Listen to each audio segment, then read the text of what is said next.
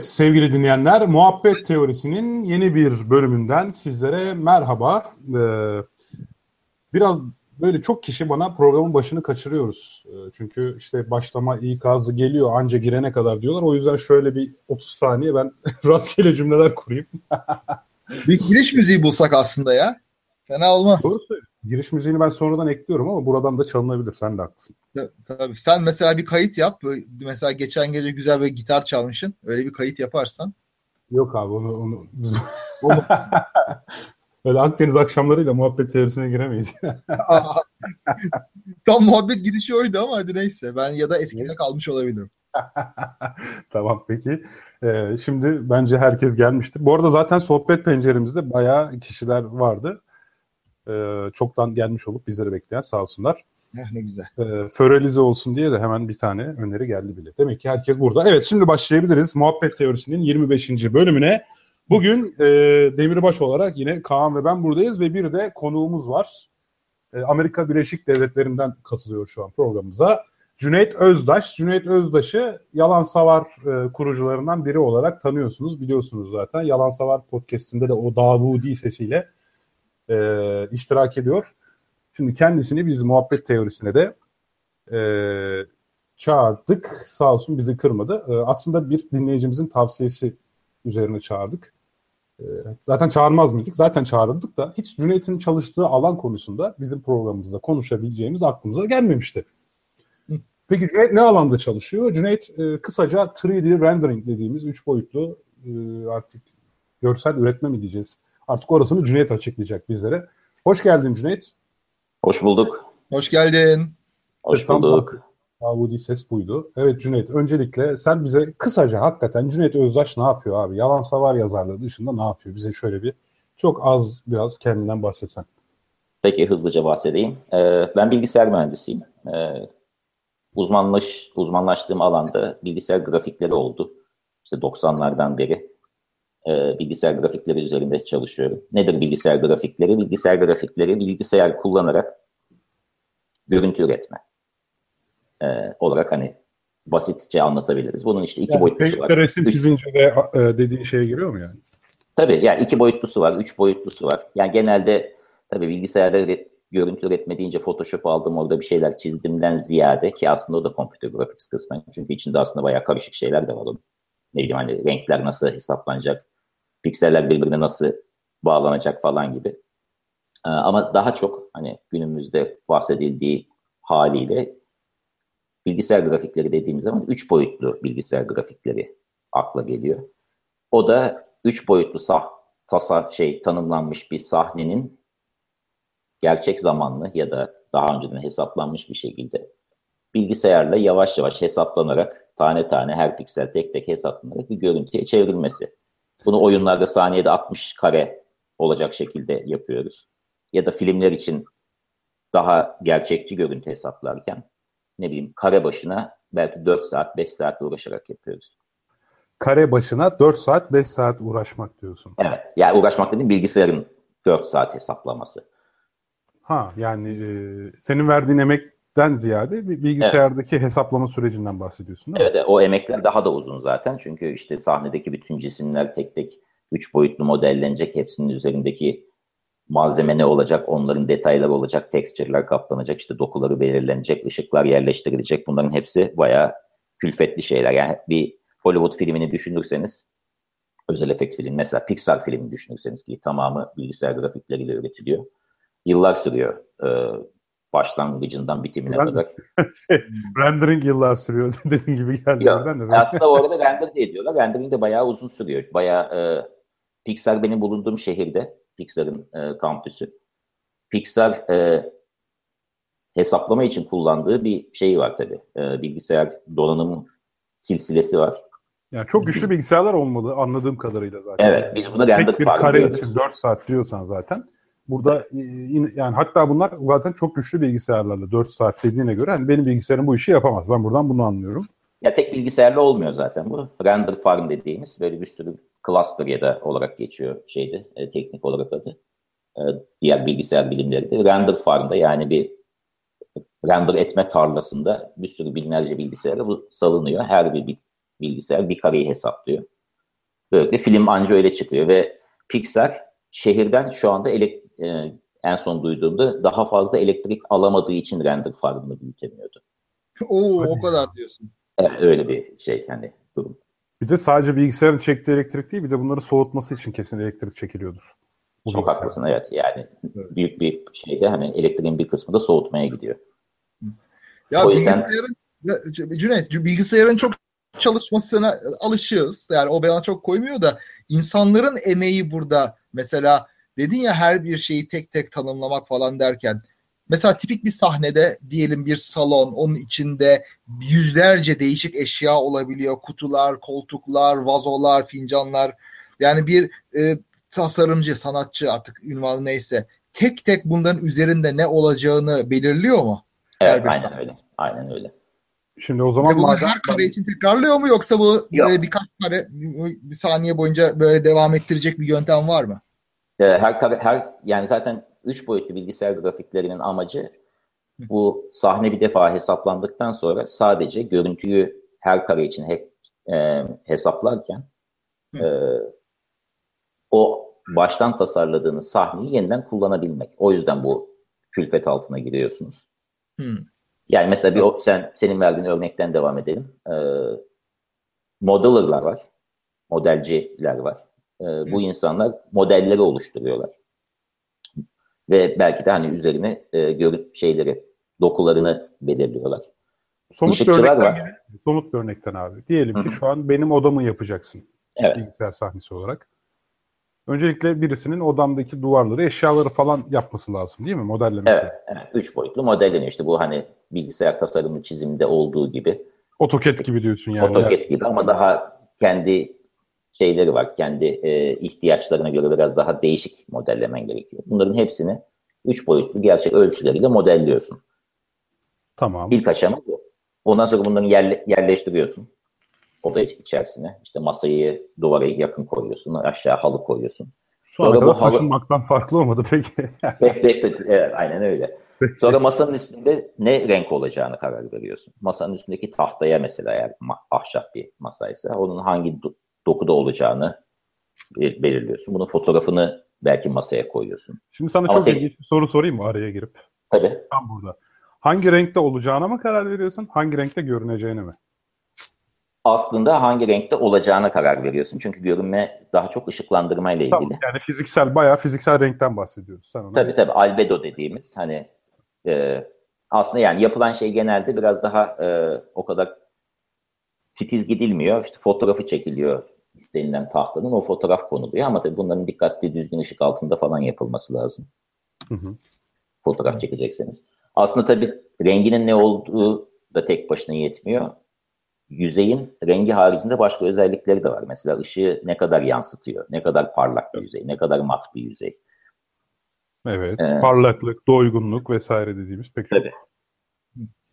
Mesela e, yansıtıyor mu? Bir ayna özelliği gösteriyor. Bazı masalar vardır. Üzeri işte cila kaplı olduğu için aslında alttaki rengin üstünde ince bir tabaka, şeffaf bir tabaka vardır. Mesela bunu da belki bilgisayara anlatmanız gerekiyor. Diyorsunuz ki evet altta tahta var. Tahtanın rengi bu. işte dokuları bu.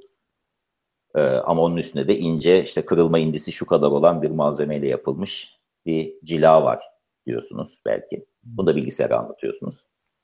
Ve sahneyi böyle kuruyorsunuz. Sonra ışıklar geliyor.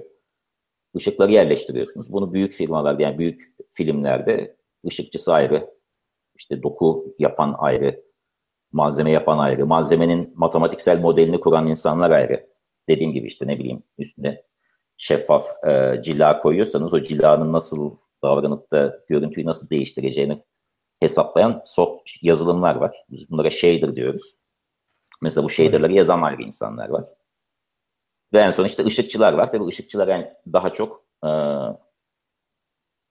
filmin görüntü yönetmeniyle birlikte çalışıyorlar. Işıkları yerleştiriyorlar en son. Ve tabii kamera var. Kamerayı nereye koyacağız? Nereden görüntü alacağız? Kameranın e, nerelerden görüntü alacağı ya da nasıl hareket edeceği belirleniyor. E, ondan sonra yönetmen, Kaan, yönetmeni belirliyor. Yani yönetmenle beraber. Tabii tabii.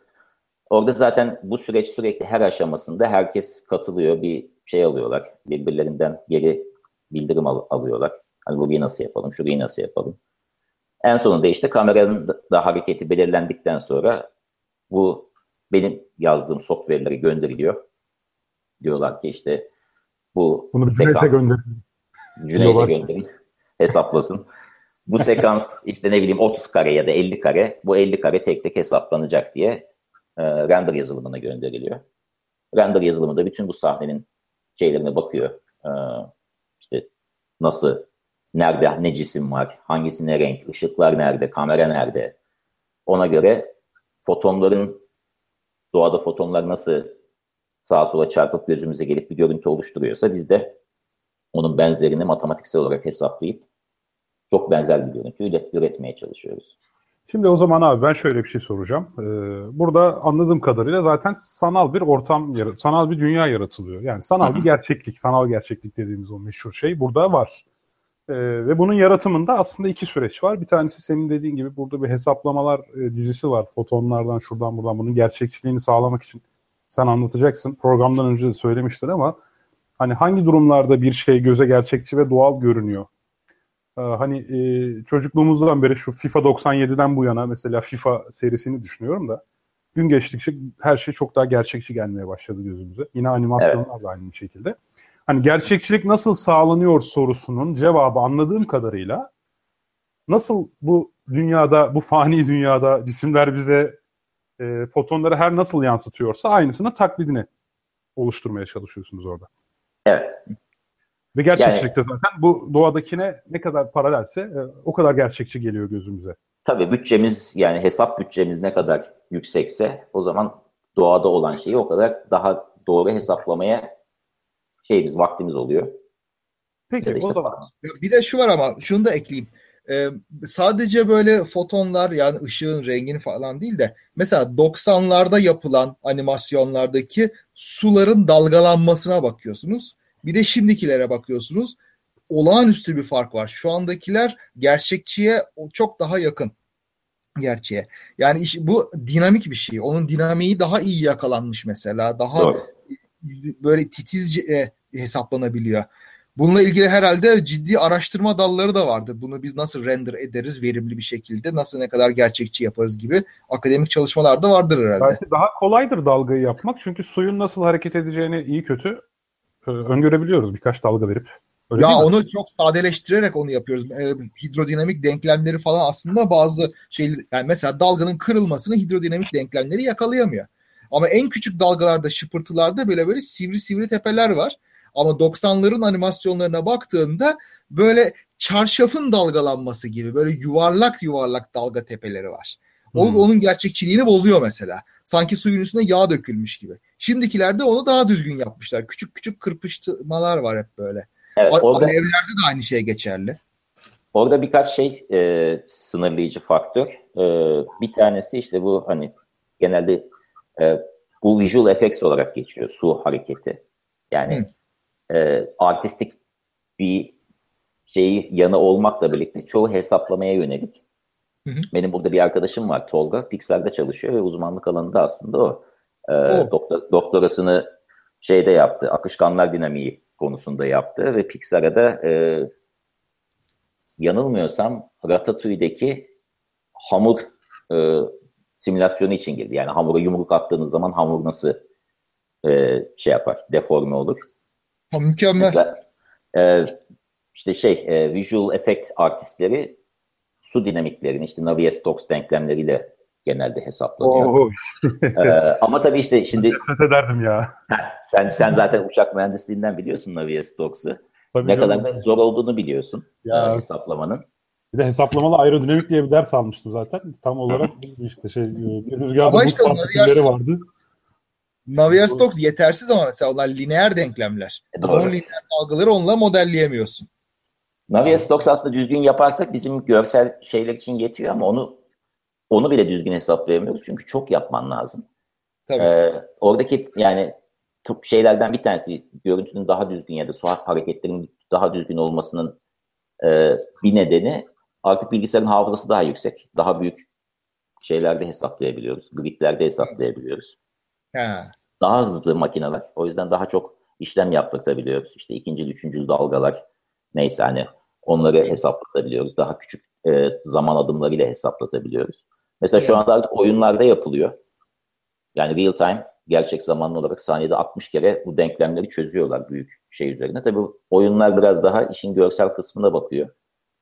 Bizim iş biraz e, biraz sanat, biraz bilim gibi tam ikisinin arasında şeyi bilmek gerekiyor. Hani ben bu bilimsel doğrulukta olan denklemlerin neresini ne kadar kesersem en çok hız kazanımı sağlarım ama görüntü o kadar bozulmaz. Yani bizim günlük her gün uğraştığımız, yıllardır uğraştığımız konu elindeki bu hesaplama gücüyle ben bu matematik modelin neresini kesersem görüntü çok kötü olmadan kendi bütçem içerisinde bunu hesaplayabilirim. Tabii bilgisayarlar hızlandıkça, yeni yöntemler bulundukça hani su için falan bayağı yeni yöntemler de bulunuyor.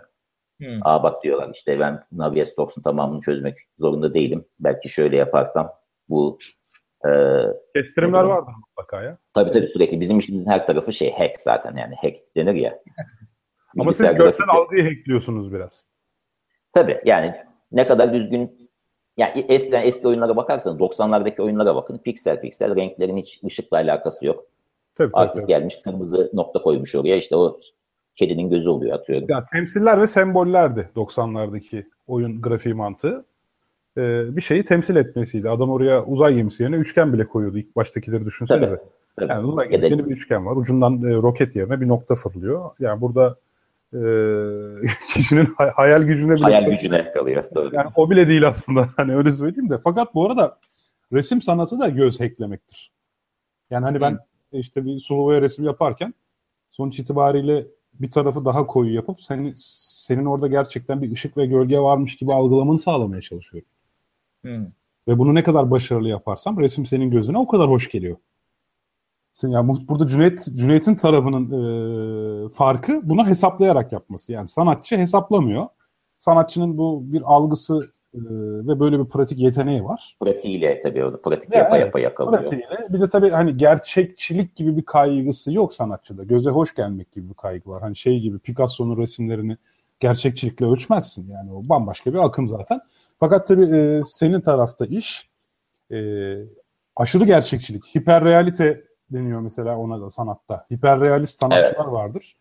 Bayağı bildiğin fotoğraf mı resim mi ayırt edemezsin. Senin hedeflediğin şey biraz o hiperrealist sanatçının e, yaptığı şeyi ama hesaplayarak, hakikaten bilgisayar aracılığıyla hesaplayarak yapmak. Ve ben de sana zaten onu soracağım. Ne kadarı sanat, bunun ne kadar mühendislik yani? Şimdi aslında epey bir yani net bir rakam söyleyemem ama Computer Graphics'in başlangıcına baktığımız zaman ilk başta zaten bu ışıkları falan düzgün hesaplayamıyoruz. Gücümüz yetmiyor. Bilgisayarın hızı yetmiyor. O yüzden ilk başta başlarken zaten bayağı ve ressamların kullandığı yöntemlere yakın yöntemler kullanılarak başlamış. Ne bileyim hani siz bir şey çizecekseniz onun son rengini belirliyorsunuz. Işık altında nasıl görüneceğini de siz karar veriyorsunuz. Hani aynen ressamın yap, yaptığı gibi.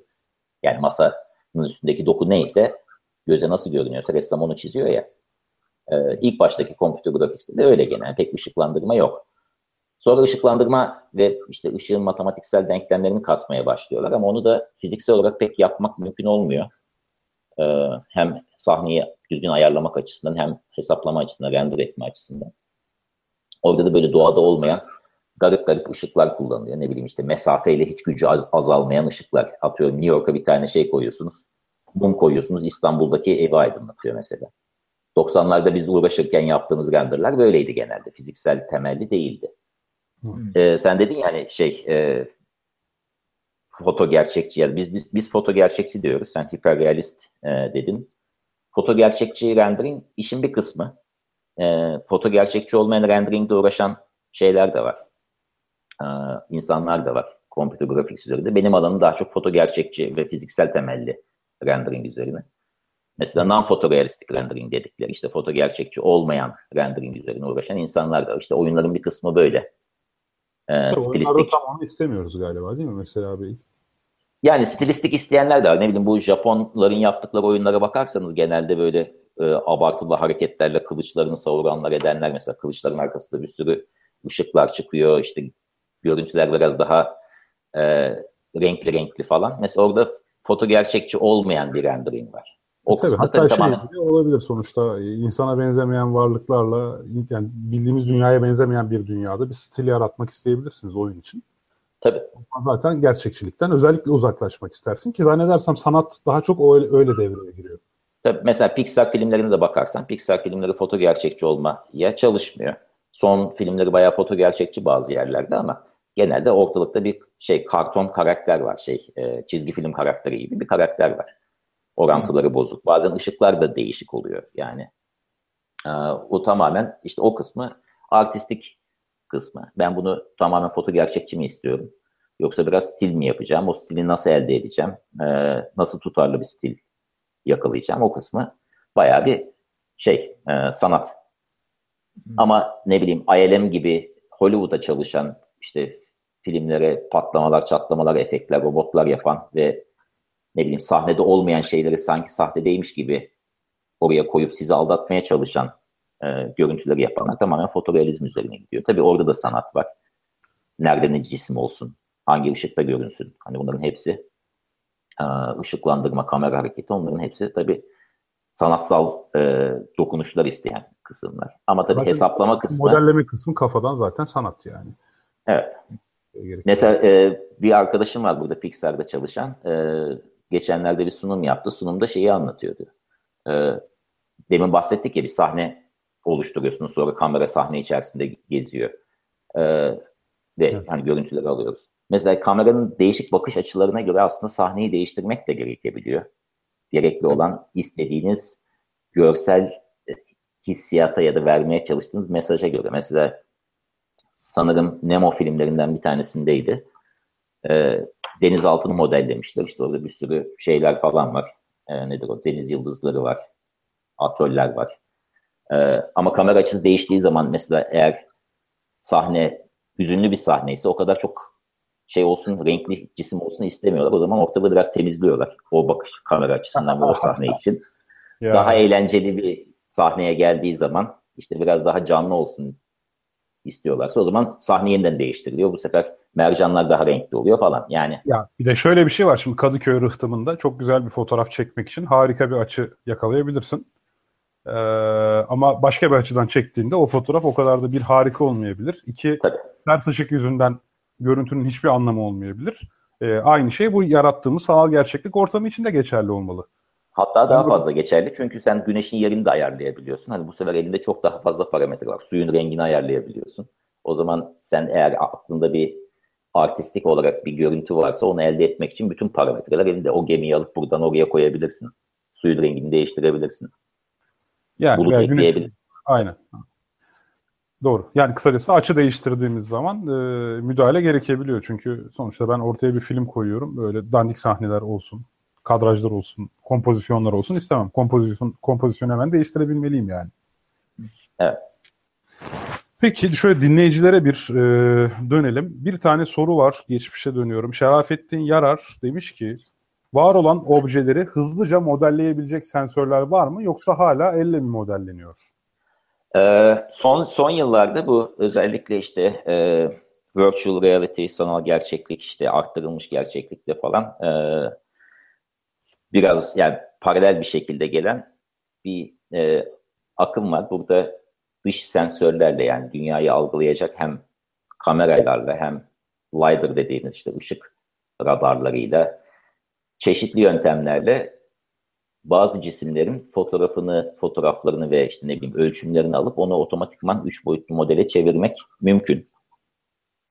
Ee, bunu hatta yapan bazı yazılımlar da var. Google e, bunun üzerinde çalışıyor. Bir tane de free yazılım e, çıkarttığı yanılmıyorsam. izleyicilerimiz daha iyi biliyordur. İz, izleyicilerimiz arasında bazı insanlar.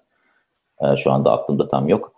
Ama bu modeller genellikle animasyon için, film için ya da oyun için pek e, uygun olmuyor. Çünkü bu modelleri makine belli bir şekilde üçgenlere bölüyor. Biz genelde geometrileri üçgenlerle tanımlıyoruz. Küçük küçük üçgenlerle. Bu e, üçgenlerin nasıl olduğuna bağlı olarak bu cisimleri hareket ettirmek zor olabiliyor.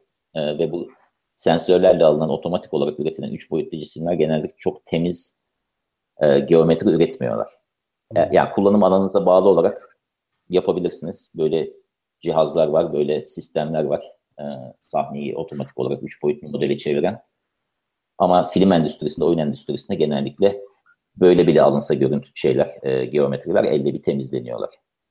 Bu arada bir tür sonlu elemanlar metodu kullanıyorsunuz anladığım kadarıyla. Yani cismi küçük sonlu sayıda üçgen olarak modelleyip hesapları onlar üzerinden mi yapıyorsunuz? Doğru. Ee, yani geometri, geometrileri cisimlerin bilgisayara aktarmanın, tanımlamanın birçok yöntemi var. Son yıllarda en çok kullanılanı mesh dediğimiz üç boyutlu e, işte tel kafes de denilebiliyor e, Türkçesi. E, küçük üçgenlere bölmek. Niye üçgen? Çünkü üç nokta e, uzayda bir tane düzlem belirleyebilen en az sayıdaki nokta. Evet. E, yani dörtgen de yapabilirsiniz ama bir dörtgeni iki tane üçgenden oluşturabilecek bilirsiniz. Üçgen en bölünemeyen küçük parça. O yüzden genellikle cisimler üçgenlerle e, üçgenlere bölünüyor küçük ve öyle tanımlanıyor. Çok iyi. Bizde e, sonlu elemanlar metodu dediğimiz metotla işte mesela karmaşık cisimlerin mukavemetlerini hesaplarken onları e, üçgenlerin ya da işte küplerin e, evet. her neyse o seçtiğimiz eleman onların bir e, işte birleşmiş kombinasyonu olarak görürdük ki böylece e, karmaşık da olsa şekil biz onu ama basit şekillere indirgeyebilip bunların bir zinciri olarak çözdüğümüz için çözebilirdik. Anladığım kadarıyla benzeri mi yapıyorsunuz size? Doğru modelleme için. Herhalde bu sonlu elemanlarda e, hacim kullanılıyor. Yani hacime bakıyorsun ama bu renderingde genelde yüzey aldığın için Biz uçakçılar yüzey çalışıyoruz abi. Daha makul oluyor. Aslında Makine... ilginç bir şekilde sonlu elemanlarla çalışan yüzey e, yani iki, iki boyutlu kağıttan üç boyuta yerleştirilmiş geometriler gibi düşünüp şeyi e, e, sahneyi öyle bir yöntemimiz de var bizim görüntü hesaplamak için. Onun adı radiosity yöntemi deniliyor. Artık Hı. pek kullanılmıyor. Eskiden daha çok mimari e, görselleştirme için kullanılıyordu. Aynen Tevfik'in dediği gibi sahneyi ufak düz parçalara bölüyoruz. Hı hı. Ee, daha çok mimaride kullanılması nedeni de duvarların düz düz güzel büyük parçalar olması. Sonra bunların hepsini e, sanki üzerinde hiçbir de, ışık değişimi olmayacakmış gibi hesaplayıp e, şeyi e, neresi ne kadar aydınlık olacak onu öyle hesaplıyorduk.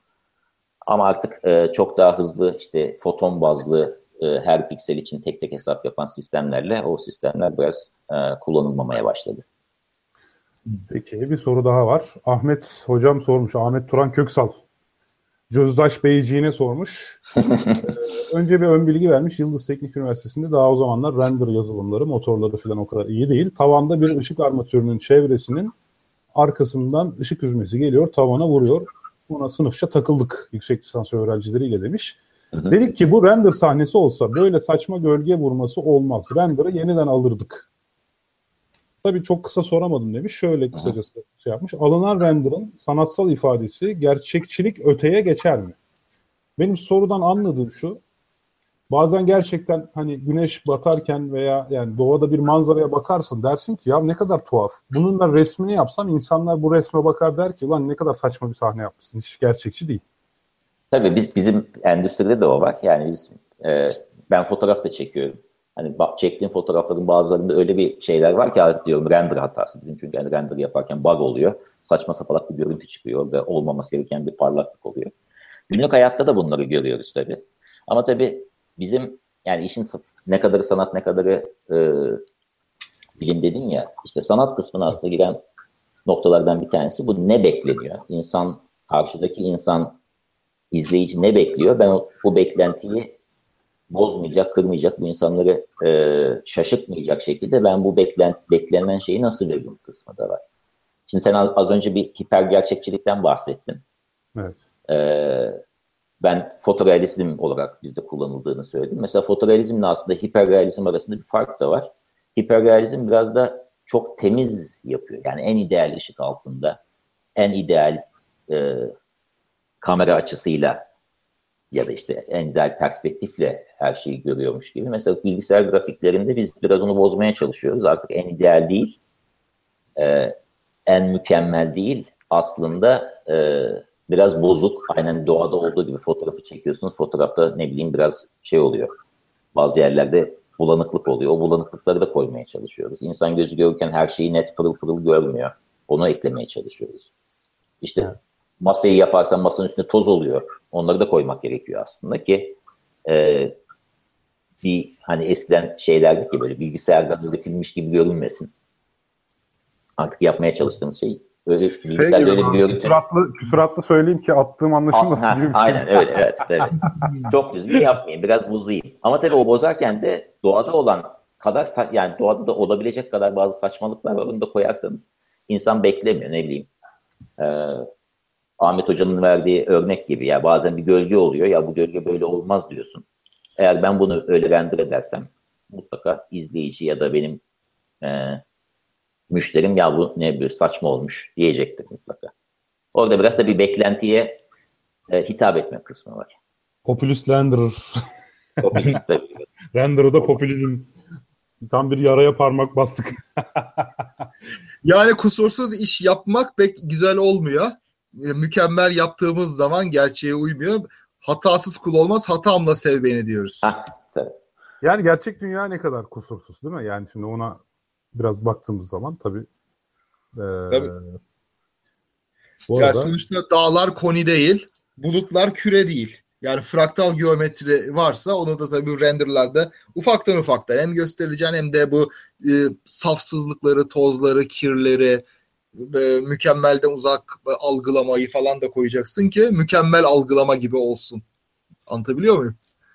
Dünyayı mükemmel taklit etmek için mükemmellik dışı bir şeyler yapmak Yani gerekiyor. dü- dünyanın mükemmel olmayan kısımlarını da mükemmel bir şekilde taklit edebilmemiz lazım. Hah, daha iyi ifade et. bir de mükemmelin tanımını sorayım da. Mükemmel ne peki yani? Evet, zor, zor, bak zor kısmı yakaladın. Mükem, mükemmel aslında büyük bir ihtimalle kusur Yani hangi Hiç- manzaraya mükemmel deriz ki dünyada? Hangisine mükemmel değil deriz yani? güzel soru valla bilmiyorum. Kaan, Kaan, sana- Kaan hadi bu challenging soruya sen şey yap. Yok bu- bugün kafam o kadar çalışmıyor ya. Mükemmel dediğin şey kusursuzsa e, kusursuz iş yapmak için işin içine biraz kusur katacaksın. Bir, bir zen paradoksu atayım ortaya. Evet, yani Evet mesela şey portre çizenler için söylüyorum sanatta yani çok simetrik bir yüz çizdikleri zaman kimseye gerçekçi gelmiyor. Hı, tabii. Çünkü işte burada belki Bayezyen bir yaklaşımdan söz edebiliriz. Doğadaki yani karşılaştığımız insan yüzlerinden ne kadar simetrik zaten. Tabii. Ne kadar Aynen. tam simetrik. Değil. Yani çok milyarda bir belki değil mi? Ne bileyim. E, tabii. Yani çoğunlukla simetrik ama azıcık farklar hep var. O ufacık farkları koyacaksın ki aa bu gerçek bir yüz falan gibi bir daha işte doğru bak. bir ifade olsun. Tam simetrik yapınca rahatsız ediyor. Aynı Ha, şeyi müzik için söyleyebilirim. Cüneyt de müzikle uğraşıyor. Ee, mesela normalde bir elektronik müzik yaptığın zaman ritim şaşmaz bir şekilde bilgisayarda aynı periyotta geliyor sana. Tamam mı?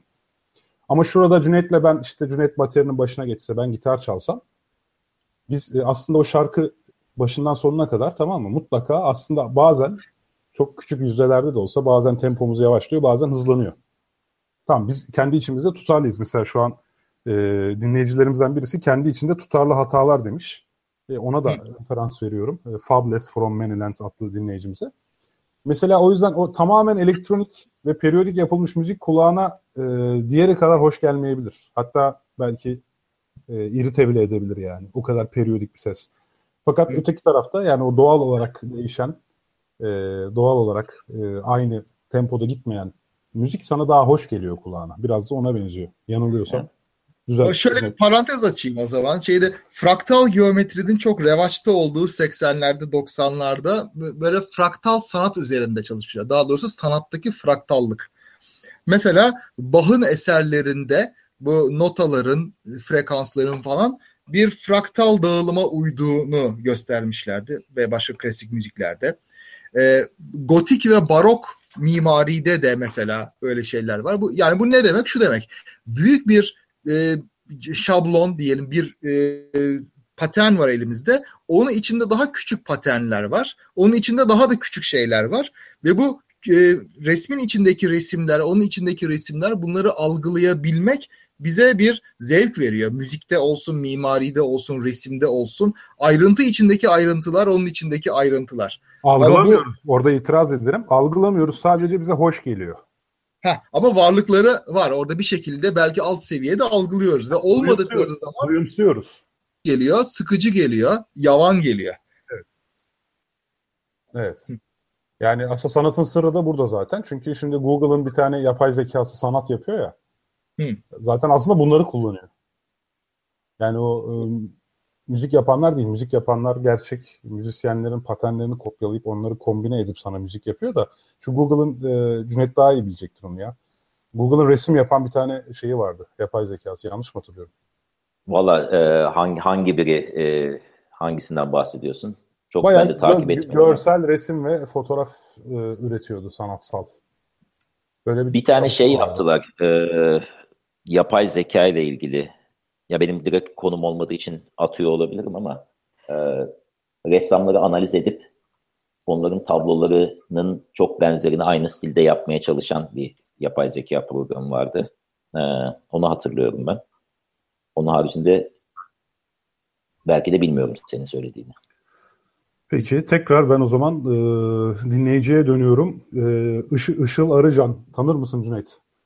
Tanırım ya. ya şey, tanıdık geliyor ismi. Işıl Arıcan da sana tanı. Benim eşim. evet yengemiz yengemiz yenge, yenge. evet yengemiz şöyle. Reis, e, reis. O bizim reis. reis. Yalan savardan reisimiz. CCC Işıl Reis.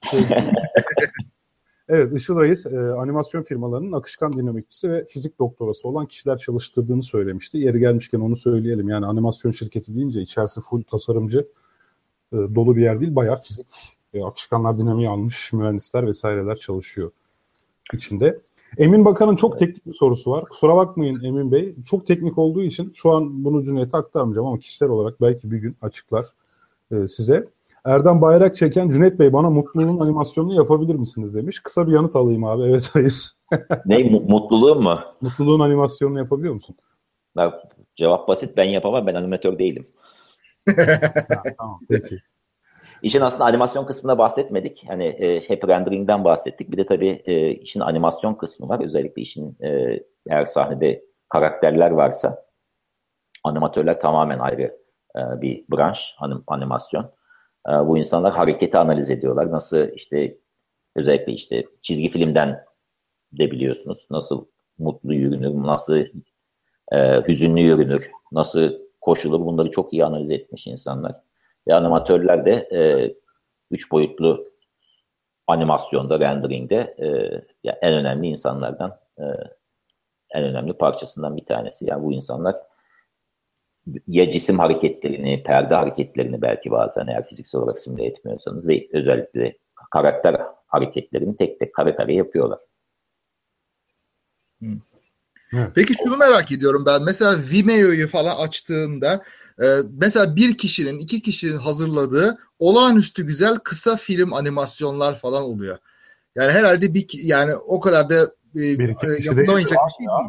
Casting'in ya, sonunda 50 kişinin ismini görüyorum ben genelde de tabii belki sen mutlaka öyle bir iki kişilik görürsün. Ya birkaç ya ağırlıklı olarak bir kişinin böyle üstlendiği şeyler çok oluyor. Şimdi mesela böyle birisi e, heveslense bir ne bileyim e, güzel sanatlar öğrencisi ne gibi kaynaklar var ne kullanabilir? Yani bu render farm denen şey ucuz değil. Nereye gider? Nereden bulur? Nasıl bir şey yapar? Şimdi render farm tabii büyük film yapıyorsanız e, lazım. Yani tek tek başına tek bilgisayarda da yapabilirsiniz. Biraz uzun oluyor. Geceleri bırakıyorsunuz bilgisayarınızı render etmek için. Ee, ne bileyim işte e, genelde eğer çok karmaşık değilse sahneleriniz hani benim 4 saat falan dedim sahne başına ama bu genelde ILM'in büyük e, çok içinde milyonlarca üç, üçgen olan, milyarlarca üçgen olan belki işte toz olan, alev olan çok karışık sahneler. Eğer daha basit bir sahne yapıyorsanız Herhalde bugünlerde de genelde benzerdir. Ee, kare başına genelde 4 dakika falan sürüyor. Bizim öyle bir altın kuralımız vardı. Ben e, Türkiye'deyken e, reklam sektöründe de çalıştım. E, hem animatör hem modellemeci olarak.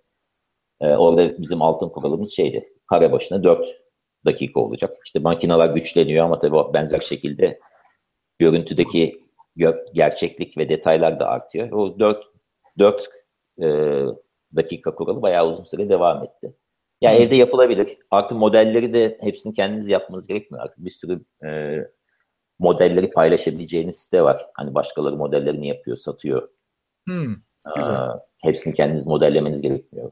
Benzer şekilde malzemeler, e, insanlar malzemeleri tanımlıyorlar. İşte e, ne bileyim güzel bir kavak ağacından masa hmm. dokusu. E, bütün yansımalarıyla, düzgün yansımalarıyla, düzgün renkleriyle, dokularıyla onlar da aslında hazır bulabiliyorsunuz. Yani hepsini baştan yapmanız gerekmiyor. Benim kütüphaneler var yani değil mi hatta? Evet evet evet.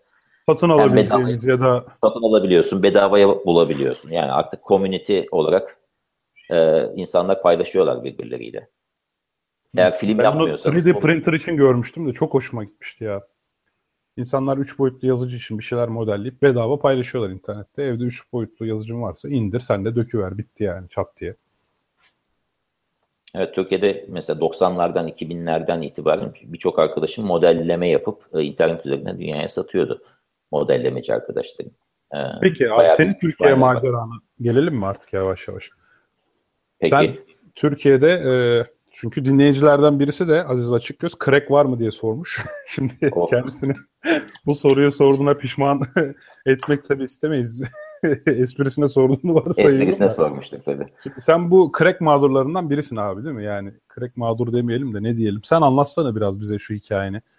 Ee, ee, Türkiye'de ne yapıyordun? Zaten neden ABD'ye gittin? Biraz galiba birbirine bağlantılıydı bu hikayeler yanlış hatırlamıyorsam. Evet, evet. Ee, ben 2000 yılında bir e, Amerika'da daha önce de tanıdığım e, arkadaş olduğum iki kişinin kurduğu bir firmaya katıldım. Ben İstanbul'daydım. İstanbul'dan yazılım yapıyordum. E, onların e, ekibine katılmıştım. İşte iki kişi, e, iki mühendis daha vardı Amerika'da. E, bir tane Kanada'da IT'ciden sorumlu e, elemanımız vardı. Bir de Hollanda'da teknik destek elemanımız vardı. Biz böyle dağıtık bir firmaydık.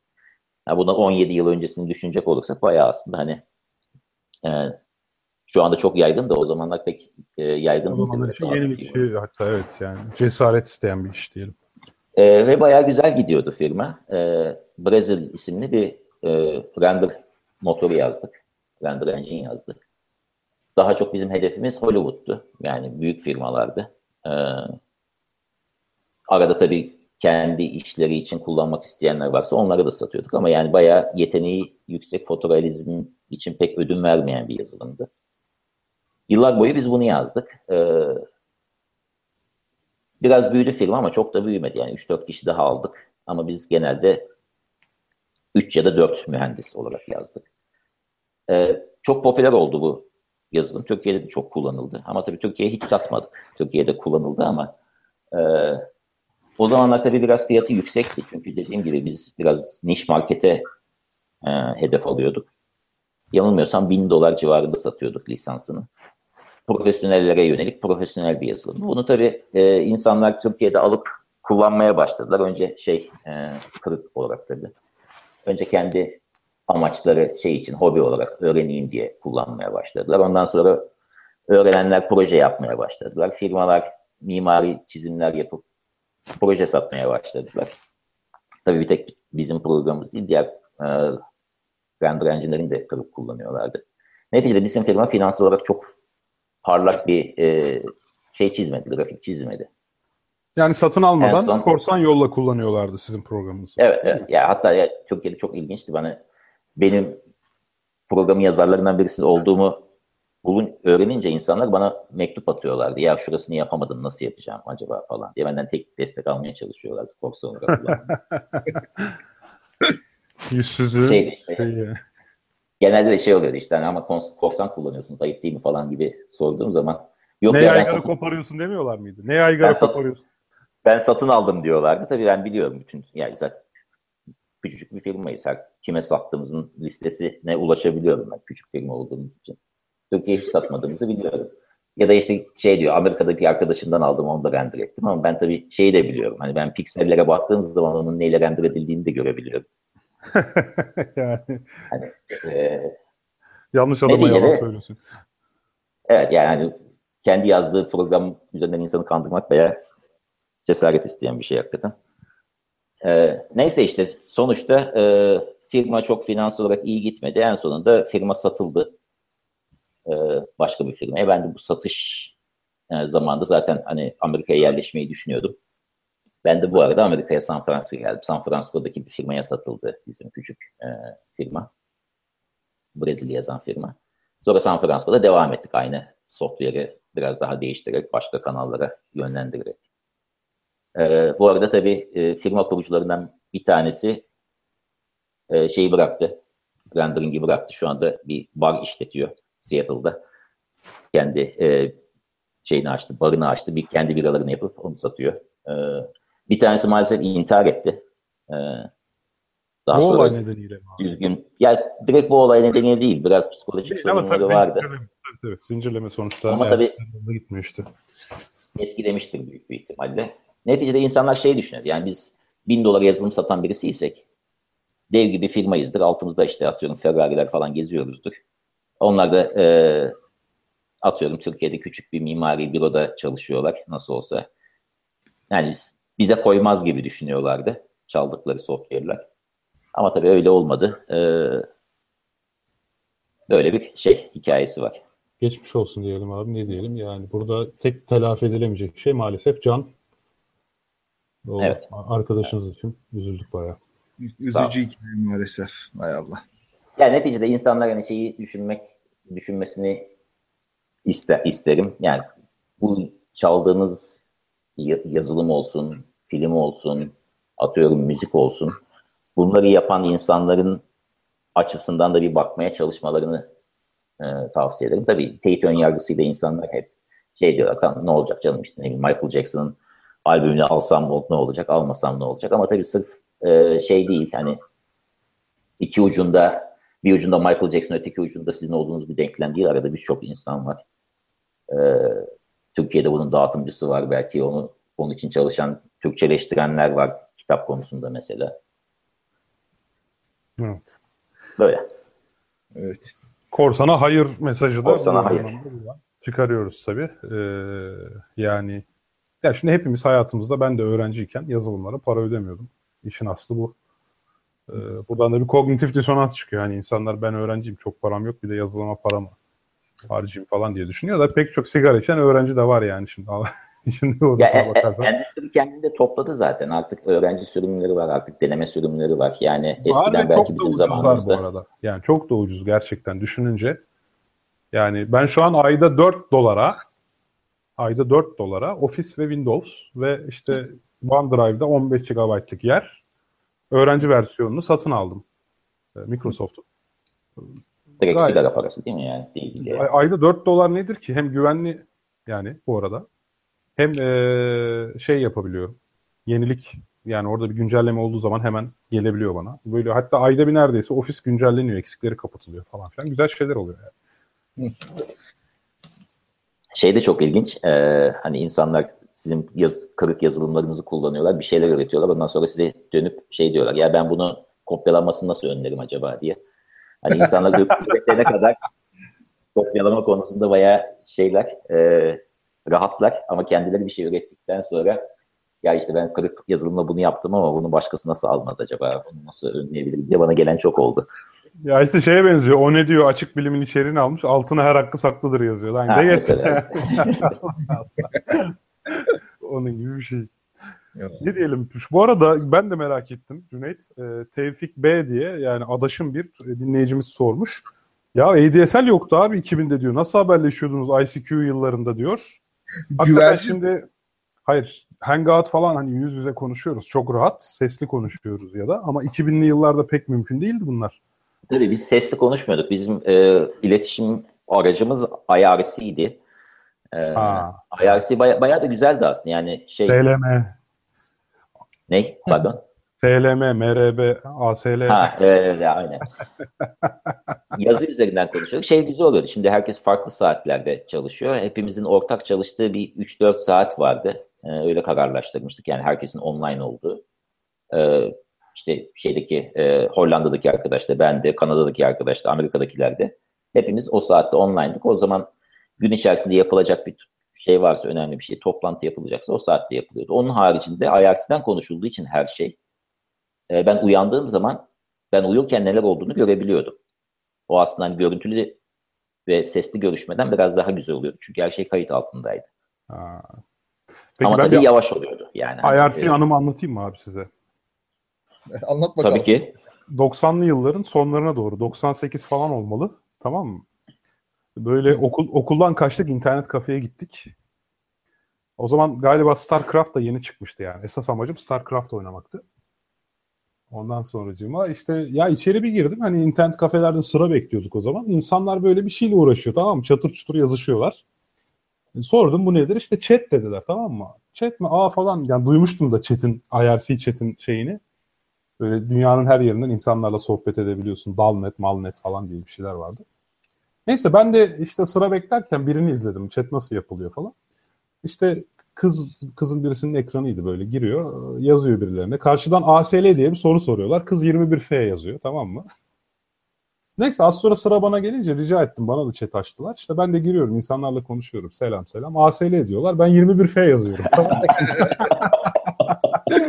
Öğrenene kadar taklit stratejisi. Ya ben de sonuçta orta 2 öğrencisiyim. Ya orta 1 ya orta 2 yani. Tamam mı? Az sonra, az sonra tabii bizim e, Türk e, erkek arkadaşlar bunlar. E, işte canım yavrum falan diye konuşmaya başlıyorlar. Anne ne diyorsun oğlum sen falan diye böyle karşı çıkıyorum. En sonunda bir tanesi insaflı çıktı da. İşte ben karşı çıkınca e, o zaman niye 21F yazıyorsun arkadaşım madem erkeksin dedi. Ben de nedir o 21F falan dedim. Anlattı adam bana. Bak ASL şu demektir. F budur, M budur falan diye. yani öyle öğrenmiştim. Yalnız iyi ki olmadık resimler falan göndermemişler. Onu da yapanlar. o zaman resim falan yok. O zaman resim yok abi yazıydı her şey. Direkt text based yani. Neyse ben araya, araya böyle gireyim dedim. Yo, ben, ben, ASL'yi ben şimdi öğrendim senden bak o kadar yıl IRC kullandım ama biz de Allah, profesör olarak. ASL abi age, sex, location yazarsın işte. işte. Evet. 21F işte İstanbul veya işte İstmist. Bir de öyle bir şey. Ee, şimdi Nuri Aydoğdu şöyle bir bilgi vermiş. E, Nuri Aydoğdu sadık dinleyicilerimizdendir bu arada. Blur'da o dönemler birçok sinematik yapımında Brezil aresi kullanmıştı diyor. Brezil sizin programda değil mi? Evet. Ee, Blur'da derken? Şimdi Blur Studios diye burada bir stüdyo e, vardı. Burada dediğim Los Angeles'ta. E, aslında bizim Brezilya yazdığımız işte o bahsettiğim küçük firmanın iki diğer mühendisi Blur Studios'da çalışan iki tane e, grafik mühendisiydi. Kendi stüdyo içerisinde daha iyi rendering yapmak için e, bir yazılım yazmaya başlıyorlar. Yetmiyor çünkü şeyden işte hani e, Autodesk'in kendi verdiği renderer. Sonra bakıyorlar bu proje iyi gidiyor. Kendi firmalarını kurdular. Bu firmanın adı Splatterfish'ti. Sonra da ben katıldım zaten. Yani Blur Studios'un çok Brazil kullanmasının nedeni aslında Blur Studios Brazil'in çıktığı stüdyo. E, hatta onların filmlerinden bir tanesi de e, Oscar'a aday oldu diye, diyeceğim kısa filmde. Kazandığıma aday mı oldu tam hatırlayamıyorum. 90'larda. Burada daha çok işte oyun sinematikleri yapan e, bir şeydi, stüdyoydu. Ama kendi kısa filmlerini de yapmışlardı. Peki şimdi e, Serdar Başeymez doğal olarak torpilli bir soru geliyor. Konu gelirse demiş geldi. Midemiz bulanmadan VR oynamamız mümkün olacak mı onu konuşsak demiş. Bu arada VR teknolojisi bayağı gelişti. Ben geçen hatta denedim hoşuma gitti alayım dedim. Meğer içindeki telefonmuş. Ben onu bir komple cihaz zannetmiştim tamam mı ilk başta. Ha, ilk evet. Gördüğümde. İçine yani telefonu koyuyormuşuz. Ha, Samsung'un VR aynen. Ee, tabii telefonun içerisinde zaten e, gyroskop falan filan var. İşte sağ sol dönüşümüzü algılıyor. Bunu hepimiz biliyoruz yıllardır bir şekilde işte entegre edince telefonla o VR denen kutuyu oynadım. Bir AVM'nin birinci katında vardı. Ee, hareketli bir platform üzerinde. Böyle bayağı o Bahçıvan filmi vardı ya 80'lerin başında. bayağı oradaki gibi bir platform yapmışlar abi. Hakikaten ben midem bulanmadan oynadım en azından. Şimdi Serdar sormuş midemiz bulanmadan e, oynamak mümkün olacak mı diye. Bu VR'la ilgili gelişmeler neler? Cüneyt sen bize aktar oralardan. E, aktarayım. E, son bir buçuk yıl e, önce diğer bir, bir VR projesine zaten başlamıştım ben. O yüzden ben de bayağı bir e, hem mesleki olarak okumak durumunda kaldım. Takip etmek durumunda kaldım. Hem de kendim tabii alıp denedim. Beni taşı tutmaz. Ee, işte ne bileyim otobüste, körüklü otobüste arka tarafa oturup ters giderken kitap okuyabilirim. İşte hani e, telefona bakabilirim. Hiç sorun olmaz. Gemide şey tutmaz. Ben aldım VR headsetini taktım kafama. Nasıl olsa oyun da oynuyorum. Yani oyun oynayan bir insanın işte koşturuyorum öyle Quake'ler falan gibi hızlı koşan, eden, hoplayan, zıplayan oyunlar oynamaktan da hiç rahatsız olan birisi değilim. Ben de aldım VR'ı. Aynen oyunlarda yaptığım gibi sağa sola gittim geldim. 5 dakika sonra yemyeşildim. Yattım yatağa. Şey mide bulantısı için hap aldım. Nasıl Allah. oluyor? Şimdi niye Anne oluyor? şöyle bir şey etkilemedi ya. Çok ilginç. Ee, ne, ne oynadığına çok bağlı. Ne yaptığına çok bağlı. Ben biraz tabii aslında yapmamam gereken şeyleri yapmışım daha sonra. E, yani biliyordum bazı insanları tuttu da ben beni tutmayacağını düşünüyordum. Şimdi taşı tutmasının hemen hemen aynı şey oluyor şeyde virtual reality'de e, sanal gerçekte. Taşıt niye bizi tutuyor? Çünkü beynimiz iki tane sinyal alıyor. Bir tanesi iç kulaktan. İşte şey vardı ya X, Y, Z eksenli bir jiroskop gibi bir şeyimiz var bizim. Salyangoz. Salyangoz içerisinde üç tane kanal var. Hakikaten de bunlar X, Y, Z ekseninde duruyorlar uzayda. Bu, bunun içindeki sıvıların konumuna göre biz yer çekimi ne tarafa doğru? Yani Taneciklerin desek belki daha doğru abi. O sıvıların Yok, içerisinde. Sıvı var. Sıvının nerede durduğu şeyleri etkiliyor galiba. Silya denilen tüyler var. Ha bir de şeye kumlar var diyorsun. Doğru diyorsun. Evet evet. Çünkü ben şöyle bir deney görmüştüm. Bölüyorum ama yani çok acımasız bir deney ama konuyu anlamak için müthiş işe yarıyor. Kıçıl bizi düzeltir eğer takip ediyorsa. Şey evet, olarak. O, o kumları e, magnetik e, yani demir tozlarıyla değiştiriyorlar ve mıknatıs nereye tutarsan kedi orayı yer gibi algılıyordu. Ha ilginçmiş. Evet. Peki abi sen devam et. Şey, ee, yazmış bu arada salyangoz işitmeye yarar. Yarım daire kanalları dengeye evet. yarar. Kumlar salyangoz içinde demiş. Ha. Ee, bir dakika karıştı. O zaman salyan kumların dengede rolü yok mu Işıl? Işıl'ı davet edelim mi? Işıl yazsın ben devam edeyim sonra oradan düzeltiriz tamam. onun yazdıklarına tamam, göre. Peki. E, neticede iç kulaktan bir şekilde hani X, Y, Z bilgisi geliyor. Böylelikle yer çekiminin nerede olduğunu beyin bir şekilde alıyor. Aynı şey bilgi bir de gözden geliyor. Gözün iç kısmı yani en orta kısmı, görüntünün orta kısmı ki biz buna fovea diyoruz şeydeki, e, retinadaki kısmı. Çok yüksek çözünürlükte görüyor. Ve burayla genellikle okuyoruz. Baktığımız kısım burası ama dış gözün dış kısmı Buna peripheral vision, dış e, görüntü deniliyor. Bu kısmın e, görüntü üretmek haricinde görevleri de var. Bunlardan bir tanesi denge. Yani sizin dış gör, görün, görüşünüz aslında e, ufkun nerede olduğunu da bir şekilde beyne iletiyor. Bu iki görüntü yani gözden gelen e, iki bilgi, gözden gelen görüntü ve iç kulaktan gelen akselerometre bilgisi beyinde birleştiriliyor. Böylelikle sizin vücudunuzun konumu, ne, nasıl bir hareket yaptığı gibi bir fikre sahip oluyor beyin. Eğer bu iki bilgi birbiriyle uyum içerisindeyse sorun yok.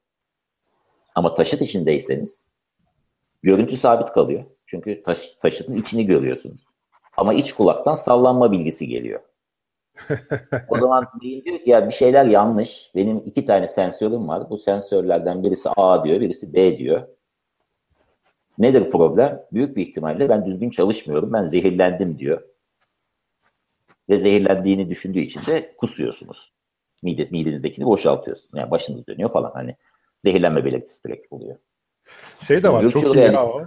Ee, yürüme bandında koşarken e, beyin normalde hani biz koştuğumuz zaman etrafın hareket etmesi lazım. Şimdi bu hareket etmiyor fakat beyin buna göre bir düzeltme yapıyor tamam mı? Hareket etmediği için. Hı-hı. Sonra o yüzden yürüme bandından inince etrafımızdaki Zıplamaya her şey üzerimize üzerimize gelmeye geliyor yani. Ee, sağ tarafta arkaya kaymaya çalışıyor etrafımızdaki görüntü. O da inanılmaz keşfettiğimde çok mutlu olmuştum ya.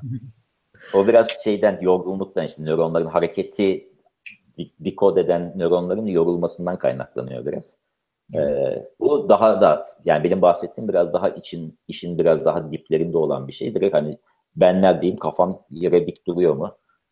Yere göre konumum ne donanım? Bunun farkında bile değiliz biz. Neticede şeyde sanal gerçeklikte olan da bunun tam tersi. Bu sefer görüntü hareket ediyor.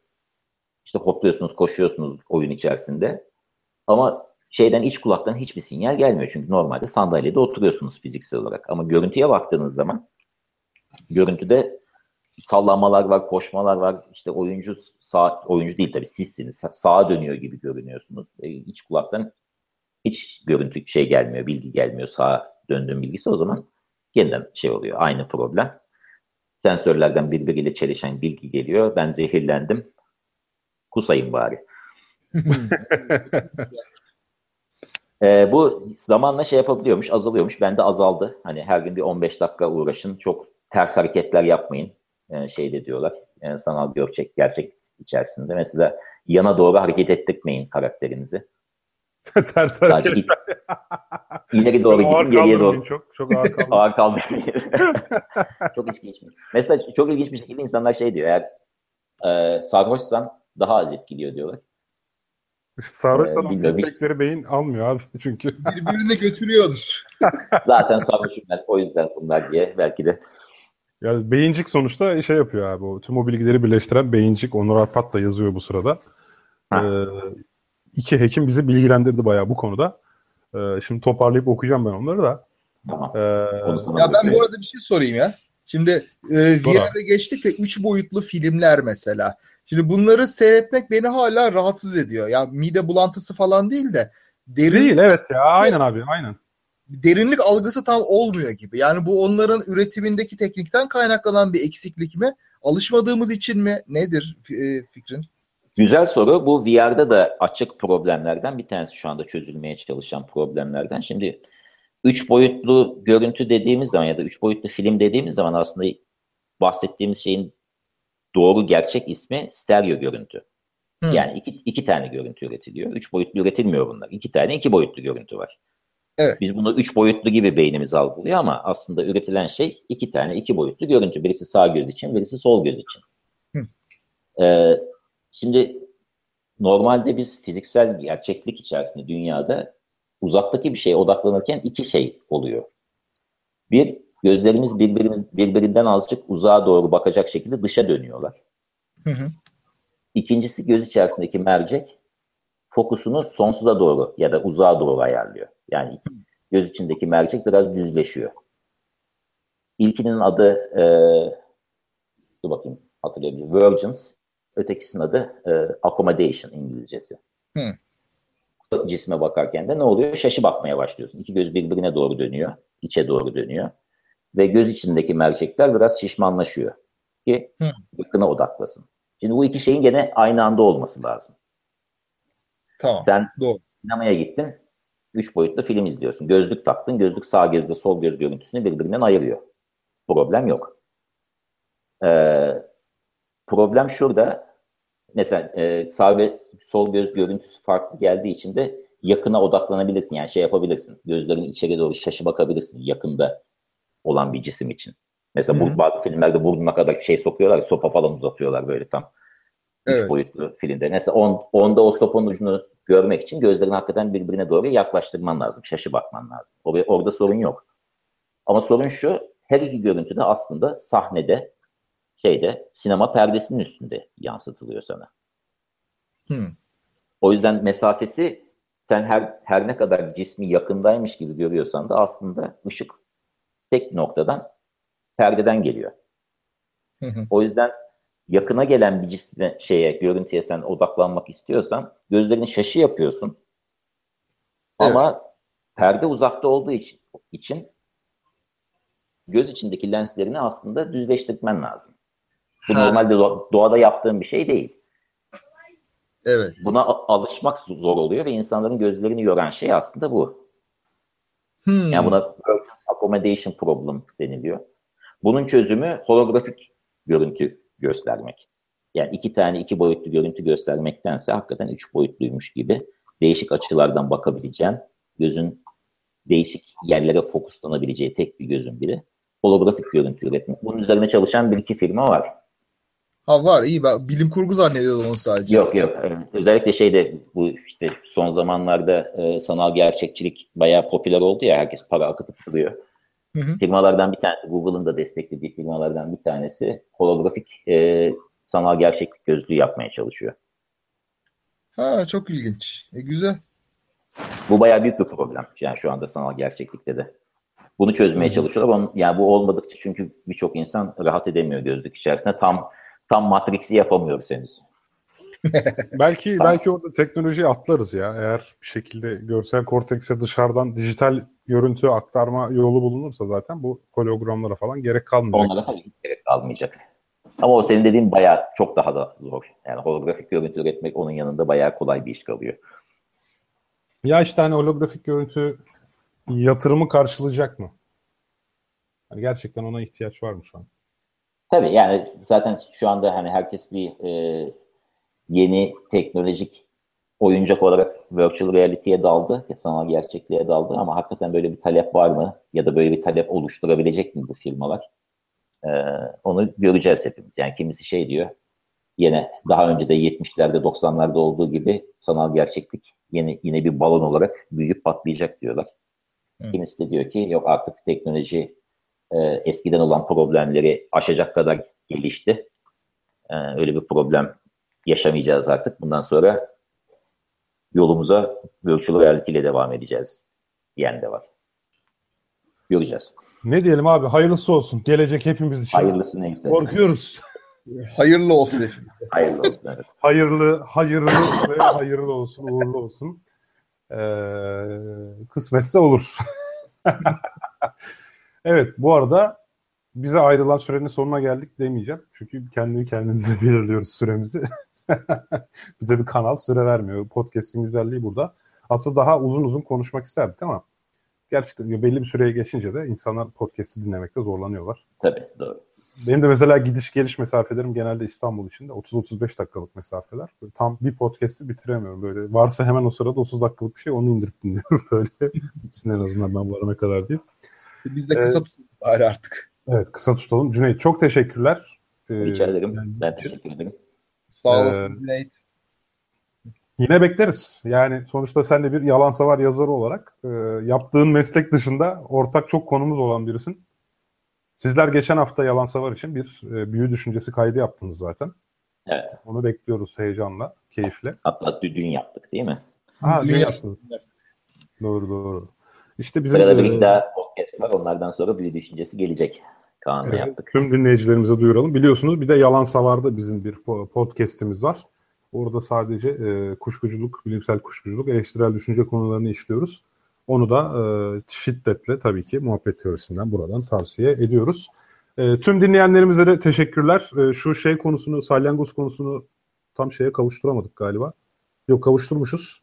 Onu söylemezsek şimdi olmayacak. Çünkü evet açık kalmasın. Bence açık kalmasın. Koklea, salyangoz ve labirent bunların hepsi e, pardon bir dakika. Keşke özetleseydiniz arkadaşlar. Dur bakayım ya. Ne? Göremiyorum. Tam. Ne oldu ya? Ben bayağı sohbet içinden şu an doğru bilgiyi seçemiyorum ya. Neyse bunu açık bırakacağız o zaman şu an. Çünkü bir tartışma olmuş da burada şey farklı fikirler var. Evet, e, herkese Neticede çok... bu da ödev olsun dinleyenlere. Hani onlar da e, ilgilendiler. Hani salyangozu okuyup inceleyebilirler. Tamam haftaya tahtaya kaldıracağız. Tahtaya soralım. Tamam, sorun. Ben evet. yokum.